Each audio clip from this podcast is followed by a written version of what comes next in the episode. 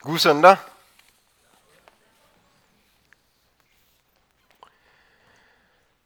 I 1989 så ble det oppretta et rehabiliteringssenter i, på et fjellhotell i Sveits. På det fjellhotellet så drev de med noe topp hemmelig. De kunne ikke få lov til å prate om det de drev med der før ti års tid var gått. Og Det var en ung norsk dame med navn Else Marie Pettersen som fikk lov til å reise ned der som 18-åring og være med på rehabiliteringa av amerikanske jagerflypiloter og spesialsoldater som ikke var skada i krig, men som hadde påført kroppen så mye stress over tid at de hadde møtt veggen. Og så får hun som en ung sykepleier beskjed om at det er to ting som vi skal jobbe med den tida de er her. Det er to ting som, Hvis vi setter sammen verdens eh, ekspertise av hvordan få personer ut av denne situasjonen, så handler det om at de må fortsette å gå og fortsette å snakke. For hvis vi greier å få dem til å fortsette å bevege seg, så er det hvis noe i oss som gjør at vi responderer på det rent fysiske. Det nivået av kortison som er da i kroppen, det stresshormonet, blir restilt når kroppen beveger seg. Men mange av de her topptrente mannfolka greide ikke mer enn å gå en 100-200 meter. Og det de gikk igjennom på morgenmøtet hver morgen I dag har vi en oppgave. Vi må hjelpe dem til å fortsette å gå og fortsette å snakke. Og Hvis en fortsetter å snakke, så mente de at det er det som er den beste måten å greie å prosessere ting på. Og Hvis du greier å prosessere det, så kan du plassere det. Og da kan du greie å parkere gamle ting og fortsette å gå videre. Så du må fortsette å gå og fortsette å snakke. Og temaet i dag er å fortsette å gå. Det sto på planen når vi laget en plan for dette semesteret. Så er vi nå ferdig med Feserbrevet. Og det sto bare på planen 'Hva nå?' Og så opplever jeg at Gud svarer meg på den bønnen. Jo, dere må fortsette å gå. Og Det bildet jeg nå delte, kommer jeg til å ta med gjennom talen både som en metafor for at vi trenger å fortsette å gå i de ulike fasene vi er i livet, men også noe rent fysisk. For vi henger sammen fortsette å gå og fortsette å prate. Og det er ikke helt sant, for Vi er ikke helt ferdig med feserne. Det er noen sluttord der. Og det er at Paulus sier jeg har lyst til å sende dere Tykikos. Pga. han skal gi dere mot i hjertet. Og hva trenger vi mot for? Det er for å fortsette å gå. Og så kan man tenke Når man ikke har en konkret tekst man skal tale ut, hvordan skal man da begynne å planlegge hva man skal si noe om? Og Jeg lærte av en kristendomslærer på videregående at da må du stille tre spørsmål. Det første er hva er det Gud sier? Det andre er hva er det folk trenger å høre? Og det tredje hva har du fått? For du kan bare gi gave det du har fått i gave. Og jeg opplever at Gud sier i dag de må fortsette å gå. Kanskje står du i en fase i livet der ting har stoppa litt opp. Om det er i de fysiske ting, som om i ekteskap eller en relasjon, eller om det er i ditt gudsliv, så trenger vi å fortsette å bevege oss. For det er bare når vi beveger oss, at Gud kan forme oss. Det er bare når skipet seiler, at det er poenget med et ror. Vi må fortsette å gå. Og så opplever jeg at er det noe vi trenger, så er det å skjønne at Eller iallfall for min del at når vi skal gå, så består livet av ulike sesonger. Og ulike sesonger krever ulik utrustning. Og jeg personlig er ikke så god på å forandre meg.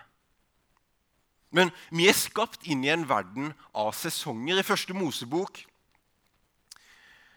så kan vi lese om det. Første Mosebok, kapittel 8, vers 22, så står det at så lenge jorden står, så skal såtid og høsttid, kulde og varme, sommer og vinter, dag og natt aldri ta slutt. Og Jeg tror vi ofte er litt dårlige på når vi avslutter en sesong og ser at når sommeren og våren er ferdig, så krever vinteren noe annerledes av oss. Det krever noen nye form for klær. Det krever kanskje en annen type utrustning. Krever at du driver med litt andre typer ting. Vanene må forandres. Jeg vet i hvert fall at når vi fikk unger, så var noen av de vanene jeg hadde som singel, de funka ikke lenger. En ny sesong krever et nytt sett med klær, et nytt sett med vaner. Og vi trenger hjelp til de overgangene. Hva er det Gud forbereder oss på nå? Hvordan kan vi fortsette å gå og fortsette å snakke? Og så er det jo selvfølgelig avgjørende da, hva er det vi går mot. Om vi går mot et himmelhåp, og vi går mot Jesus. For når vi ble kristne, så var det ikke hovedsakelig en filosofi vi tok inn over oss. Nei, det var en forespørsel av Jesus. Har du lyst til å følge med? I 1. Peter kapittel 2 så kan vi lese 2.22. Det var dette dere ble kalt til. Kristus led og etterlot et eksempel for at dere skulle følge i hans spor. Han gjorde ikke synd, og det fantes ikke svik i hans munn. Vi har en person å gå etter. Og så har vi et himmelhåp å gå mot. Peter sier videre at men husk at dere er utlendinger. Og hva er en utlending? Jo, det er en som er kommet inn i en annen kultur. Den er merka med en annen type identitet. Salmene sier at vi er bare pilegrimer. Vi er her for en periode, men vårt håp er i himmelen. Vi er borgere av et annet rike. Det er av og til vi kanskje kan bli misforstått. Det er av og til det vi gjør i kjærlighet, kan bli sett på som intoleranse. Vi er bare pilegrimer og utlendinger. Men når vi har et himmelhåp, som vi vandrer mot Jesus, som vi vandrer mot himmelen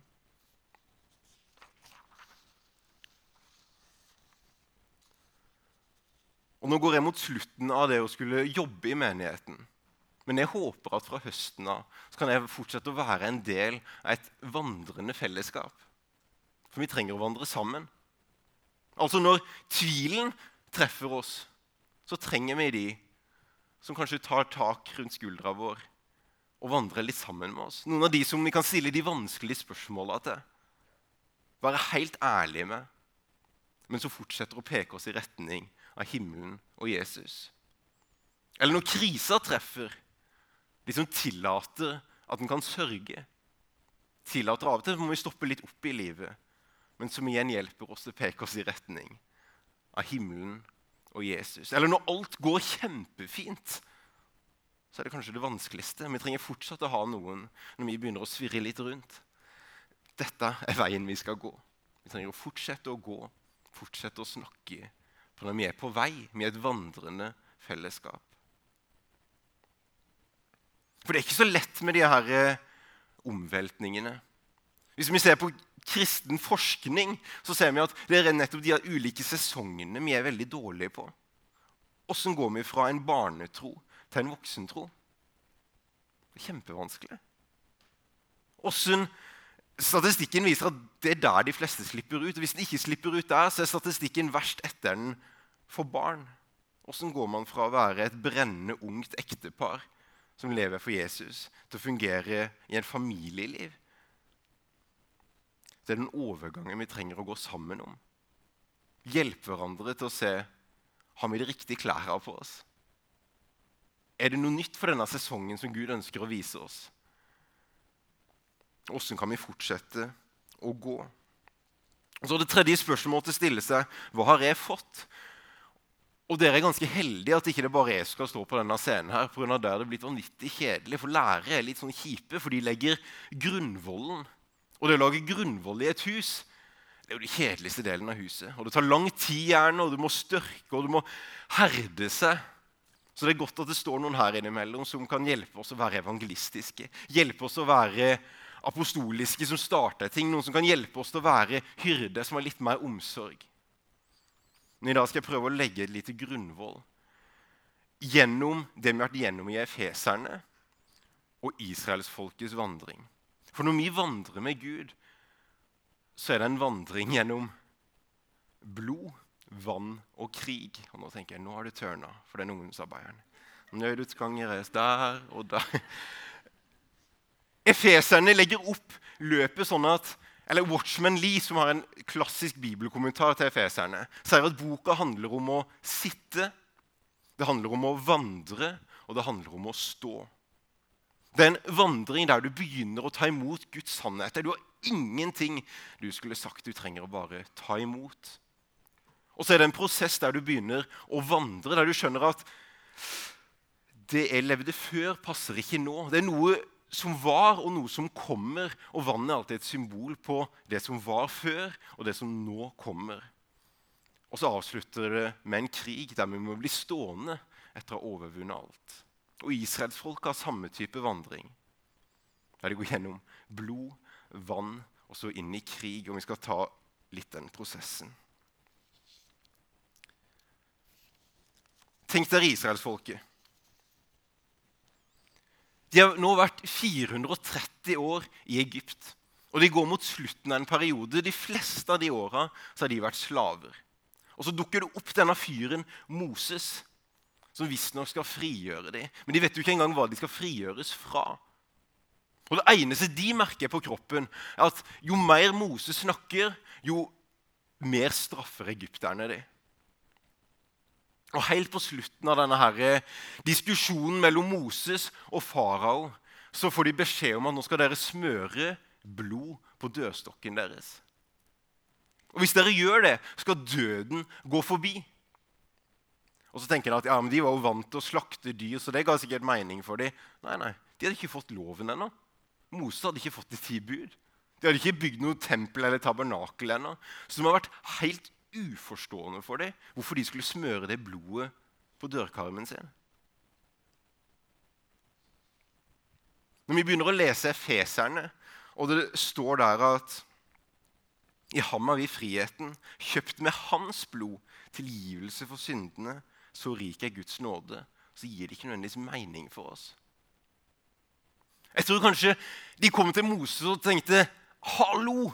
Vi er i år 1236 før Kristus. Vi er mer utvikla, mer belest, mer utdanna enn alle generasjoner før oss. Og skal vi gjøre noe så håpløst som å smøre blod og tro at vi skal få liv med det. Så sitter vi i dag og har samme utfordring. John Stott sier at for 70 år siden så krevde det av kirka at vi leda folk over én bro til frelse. Det var frelsesbroa. De fleste hadde en forståelse av synd, hadde en forståelse av hva Bibelen egentlig snakker om. Og så sier han at I dag så har vi en større utfordring, for vi har to broer til frelse. Det ene er kunnskapsbroa, og det andre er frelsesbroa. Det gir ikke mening. Hvorfor skal vi utvikle mennesker, stole på korset? Stole på at Jesus har gjort noe for oss som vi skal få evig liv. Så ber Gud at de skal ta et skritt i tro. Noe som ikke gir mening her, men som får evige konsekvenser for dem. Og Noen ganger trenger vi å ta et skritt i det vi ikke forstår, og så ser vi at det funka. Og Derfor er jeg veldig takknemlig, akkurat som det bildet begynte med. At ja, det var en metafor for noe, men det var jo noe rent konkret som fungerte med å fortsette å snakke og fortsette å gå. Så gir Gud oss nattværen. Det vi ikke kan forstå med ordene våre, med tankene våre, gir oss en anledning til at vi kommer sammen. Så kan vi få lov til å bare gå og gjøre det fysisk. Ta imot Herrens blod, frelsen. Og det er så viktig at vi skal gjøre det ofte. Så vi begynner altså med en vandring gjennom blod. Der det er frelse. Der det er ingenting vi kan gjøre for å fortjene det.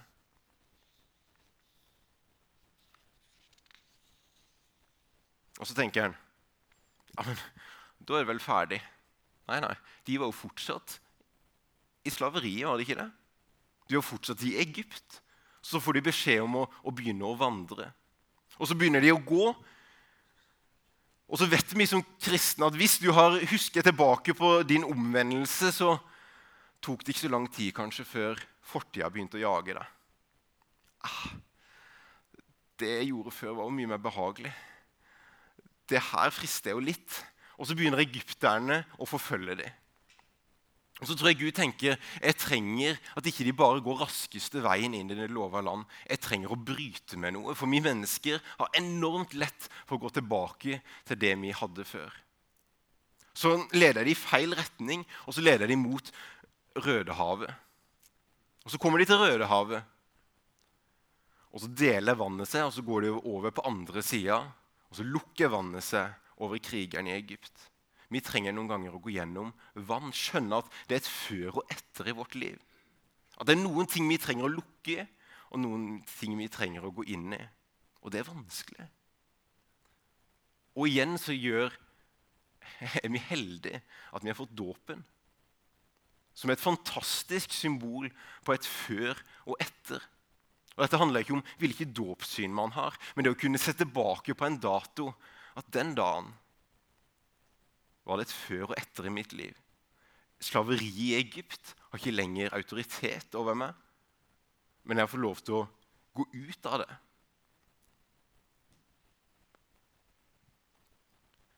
Efeserne sier det sånn i kapittel 4.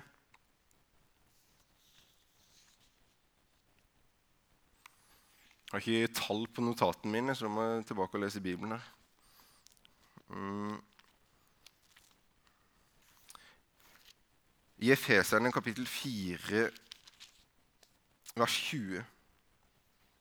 Men dere er ikke slik. Dere har gått i lære hos Kristus. Dere har hørt ham og fått opplæring i ham ut fra den sannhet som er i Jesus. Og lev da ikke som før, men legg av det gamle mennesket, som blir ødelagt av de forførende lystne, og bli nye i sjel og sinn, og kle dere i det nye mennesket, som er skapt i Guds bilde til et liv i sann rettferd og hellighet. Veldig ofte hvis jeg opplever at djevelen kommer med noen fristelser, så kan jeg peke tilbake på en dato. Nei, det gamle mennesket er begravd. Det lever ikke lenger. Mitt liv er skjult i Kristus i Gud. Og så høres det ut som ja, da er det ikke noe greie lenger. Hva skjedde når eh, israelitten hadde gått ut av Rødehavet? Jo, de kom inn i ørkenen. Egypt var kanskje begravd. Synden hadde ikke lenger noe makt over dem men de hadde fri vilje til å fortsette å velge det som var galt. Det er ikke sånn at når en har gått gjennom én prosess, så slutter den å ha utfordringer. Slutter den at ting er vanskelig. Nei, det er kanskje midt i mange muligheter til å velge det vonde at vi virkelig ærer Gud med å elske Gud. Jeg tenker for tenåringene våre, som har alle muligheter til å velge alt mulig annet. Det er fristelser overalt. Når de tar et valg om at i hav av andre valgmuligheter så velger jeg Jesus. Det er mektig.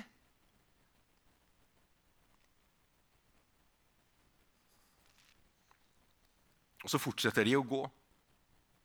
Og så skjønner Gud at det er så viktig at de folka fortsatt er på vandring. At jeg setter opp en sky om natta og en ildsøyle om dagen. Og hver dag så får jeg de til å pakke sekken sin og fortsette å gå.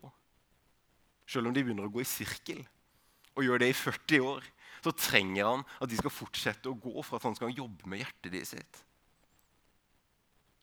Uansett hvilken fase vi er i livet, hvor vi er i vår tro, så trenger vi å fortsette å gå. Kanskje for noen er det å fortsette å gå på møte, for noen er det å fortsette å lese i Bibelen, fortsette å si takk til Gud.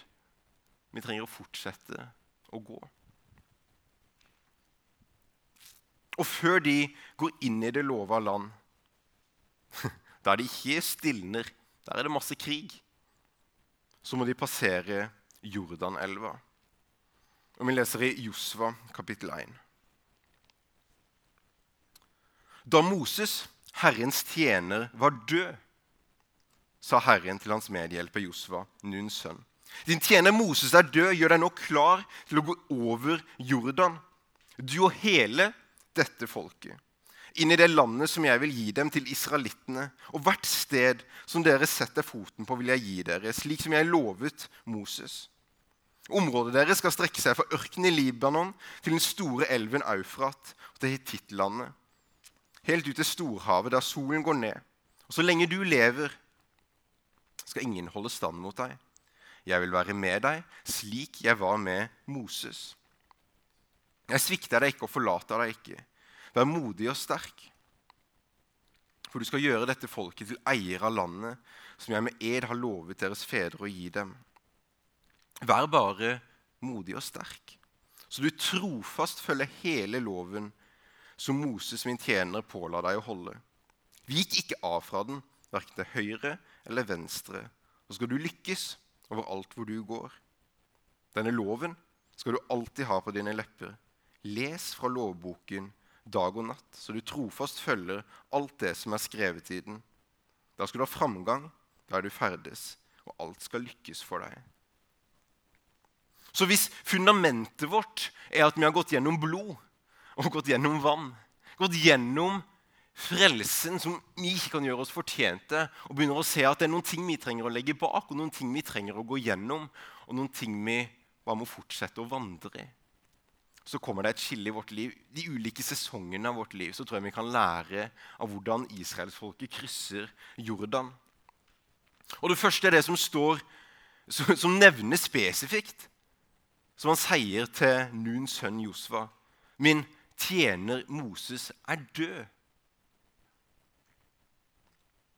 Og så er det jo litt interessant det som står rett før i Mose, 5. Mosebok 34. Så gravla de Moses i Mohab, og ingen visste hvor han ble gravlagt, ikke til denne dag. Jeg tror at I noen av de fasene vi skal inn i i livet, så tror jeg vi må huske har vi gravlagt Moses.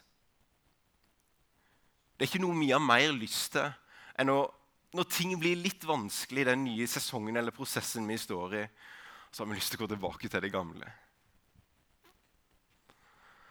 Når det ble litt utfordrende, det nye som vi tror Gud har for oss, så går vi tilbake til det gamle. Men Gud gravla Mose en plass, og ingen skulle grave han opp. Som menighet kan vi ha lyst til det at ah, vi må tilbake til Knut Aals tid, det som skjedde da. Og så står det at vi skal se tilbake og skal vi ta med troen de hadde. Vi skal se på det de levde. Men det er ikke det Gud har lyst til å gjøre nå. Vi må passere Jordanelva sjøl og så legge det som var, bak oss, og gå inn i det som er lova for oss. Eller hvor ofte, Hver gang Jesus nevner det med ekteskap, så putter han i kontekst du skal forlate din far og din mor. Hvor viktig er ikke det for at det ekteparet skal være ett? At vi legger noe bak for at det skal være en ny enhet og en ny lojalitet. Hvor lett er det ikke når det her begynner å skrante litt, slite litt, at du går tilbake til det som var? At din lojalitet heller er til ah, Det funka jo å prate med mamma om de her tinga. Eller det funka jo å prate med venninna mi om de her tinga.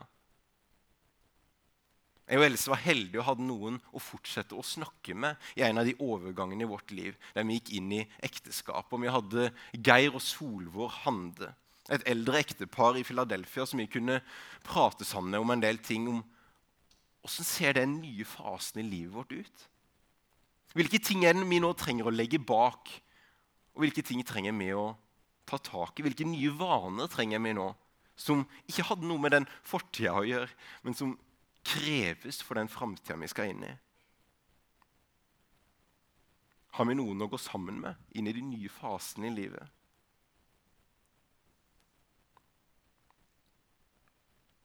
Og Det var akkurat som hun fikk unger òg. Det funka veldig bra med Hanna å holde på de gamle rutinene våre. Og så kom Josva. Og så gikk vi et halvt år der vi ikke prata sammen om det. Men etter et halvt år så fant vi ut at begge to er jo kjempeslitne. Og vi har beveget oss ut av de vanene som fungerte før. Og så har vi ikke fått prata sammen om åssen kan det nå se ut i denne fasen av livet. Åssen kan vi fortsette å gå mot himmelen og mot Jesus når ting ser annerledes ut på hjemmebane? Når den bønnetida om morgenen forsvant? Åssen ser det ut? Og Jeg tror vi trenger hjelp i de fasene. Noen å stå sammen med, noen å drøfte det med. Vi må fortsette å snakke og fortsette å gå. Og Vi trenger å være et vandrende fellesskap som hjelper hverandre på det. For det som skjer hvis vi ikke planlegger eller forbereder oss, er at vi bare drifter inn i en ny fase, kanskje med den gamle bagasjen. Og så kan vi miste fokus av hvor vi egentlig er på vei. Fortsette å gå mot Jesus og fortsette å gå mot himmelen.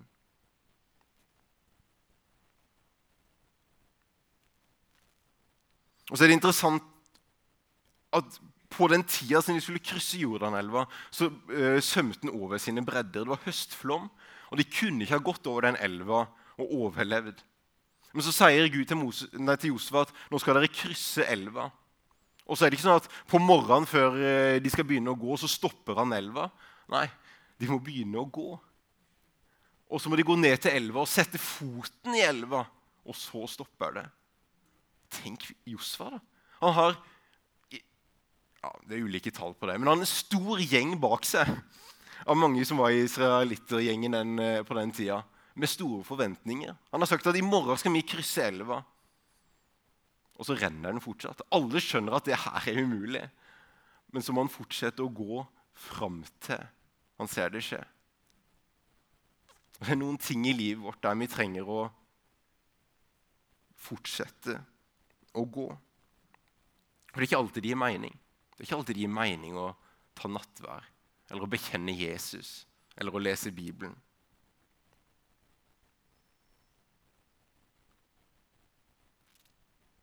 Så står det videre i Josva at 'jeg vil være med deg slik jeg var med Moses'. Og Hvordan var Gud med Moses? Jo, De snakka sammen, ansikt til ansikt. Og Gud ville jo egentlig snakke sammen med hele israelitterfolket, men de sa nei, vi tør ikke, vi er redd for å dø. Og så endte han opp med å bare snakke til Moses, og så kunne Moses snakke til folket. Og Han ville være med Josva som han var med Moses, altså han ville snakke med Josva. Han ville fortsette å snakke med ham. I vår relasjon med Jesus så kan ting ha stoppa litt opp. Det kan være noen sorger, noen bitterhet, noen erfaringer som gjør at vi vi har stoppa å snakke litt. Eller i ekteskapet. Eller i relasjoner. Tror Gud utfordrer oss på å fortsette å snakke. For det er kanskje litt sånn i vårt kristenliv at det er ikke troa vår og hjertet vårt det er en utfordring med sånn i hovedsak. Jeg tror vi som kristne ofte har en stor lengsel, et stort hjerte. Vi vil følge Jesus. Og så kommer Jesus med en interessant lignelse. At det her er litt som en såmann som er ute og sår. Og så er det en plass han sår, der er, det, der er det god jord. Og jeg tror mange av oss opplever det sånn. Vi har lyst til å være i god jord. Men greia er at i god jord så vokser det opp andre ting. Det vokser opp toner og tisler, og det kan kvele ordet. Og noen ganger kan det være like vesentlig å kutte ned ugress i vårt liv som å bare tenke ah, 'Åssen skal jeg få større tro, Gud?' Og Noen ganger kan det ugresset kuttes ned med å snakke. For da kan du sette ord på noe, og så kan du bearbeide det, og så kan du gå videre. Det var en forskningsartikkel i New York Magazine i fjor høst som kom fram på grunnlag av den prosessen som ble gjort med alle som var i traume etter 11.9. Og så konkluderte den forskningsrapporten med folk takler mye mer enn det vi tidligere trodde. Hvis en greier å sette ord på det som var problemet, hvis man greier å prosessere åssen man har det, og kunne sortere tankene sine og så parkere dem Fortsetter med å snakke med Gud om det som er vanskelig, med mennesker om det som er vanskelig, så tror jeg våre overganger i livet kommer til å gå mye bedre. Og så avslutter han med Vær bare modig og sterk, så du trofast følger hele den loven som Moses min tjener påla deg å holde. Du skal alltid ha den på dine lepper. Så det siste fortsett å lese. For når vi skal luke i vår troshage, så er sannhet det beste lukemiddelet. Det er først med å kjenne sannheten, og det er sannheten som setter oss fri. Det er da vi kan se å, det der var faktisk ikke så bra å ha i troshagen min. Det trenger å kutte av, sånn at det andre kommer fram.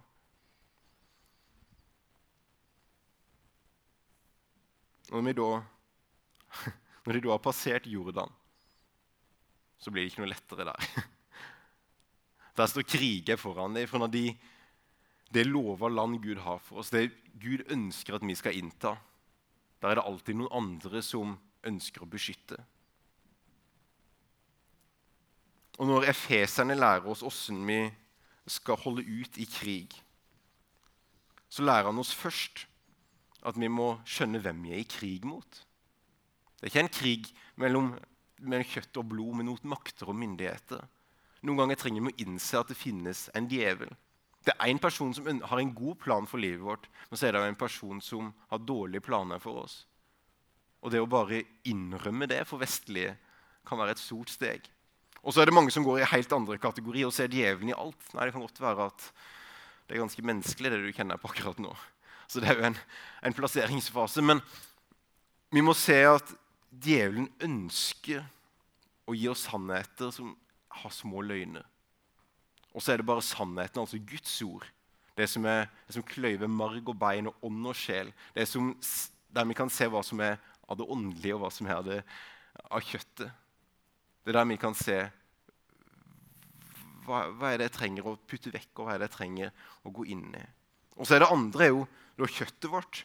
For djevelen ønsker å friste oss, og så har vi lyster i vår kropp som gjør til at ja, det her var kanskje behagelig. Og når mange nok mennesker tar imot løgntanker og lar det få lov til å leves ut i kroppen, så blir det et sekulært samfunn som viser at hm, Er ikke det bare en selvfølgelighet at vi skal gjøre det sånn eller gjøre det sånn? Så trenger vi å se at kanskje er det en krig om noen av de områdene vi trenger å innta i vårt liv. Og da trenger vi å fortsette å gå og fortsette å snakke. Og etter at jeg begynte å tenke på denne talen, så skrudde jeg på radioen, og så kom den rett på et refreng av Christian Christiansen. Og Det jeg skal vise der, er tatt helt ut av kontekst. Men det ble noen ord som bare ble planta i meg, som har gått og surra i, i mitt hode. Du gir meg viljestyrke. Og det handler om hvor er denne lysten skal komme fra. Den kommer fra Gud. Du så i meg det jeg allerede hadde fått av du, synger han. Det er noe med at det er Gud som har planta troa i oss. Lysten til å vandre mot Jesus og mot himmelen. Og det med å søke Han at vi kan fortsette å gå og fortsette å snakke. Så når vi stopper opp, så vet vi hvor vi må kikke hen. Så du ga meg viljestyrke til å fortsette å gå. La oss bare ha det lille klippet der som en avslutning.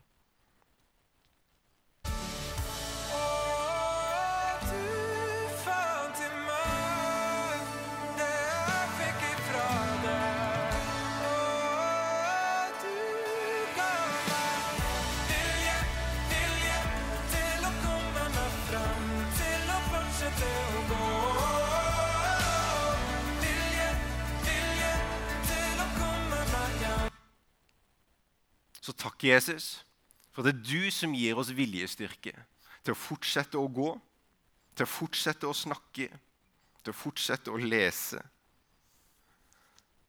til å skulle komme oss helt hjem. For takk for du er vårt hode. Og vi ber om at vi skal få lov til å være et vandrende fellesskap som vandrer mot du, Jesus, og vandrer mot himmelen. Og hjelp oss, Jesus, til å gå i den retningen sammen. Heie på hverandre, støtte hverandre, vise omsorg til hverandre.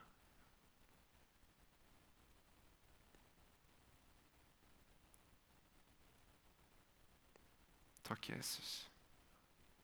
Hvis det er noe nå du ønsker Jesus å si inn i noen hjerter om det å oppmuntre, om det å sparke oss litt i rumpa, om det å helbrede noen sår så hjelp oss, Jesus. Til denne gudstjenesten skal få noen konsekvenser for oss. Der vi fortsetter å gå og fortsetter å snakke.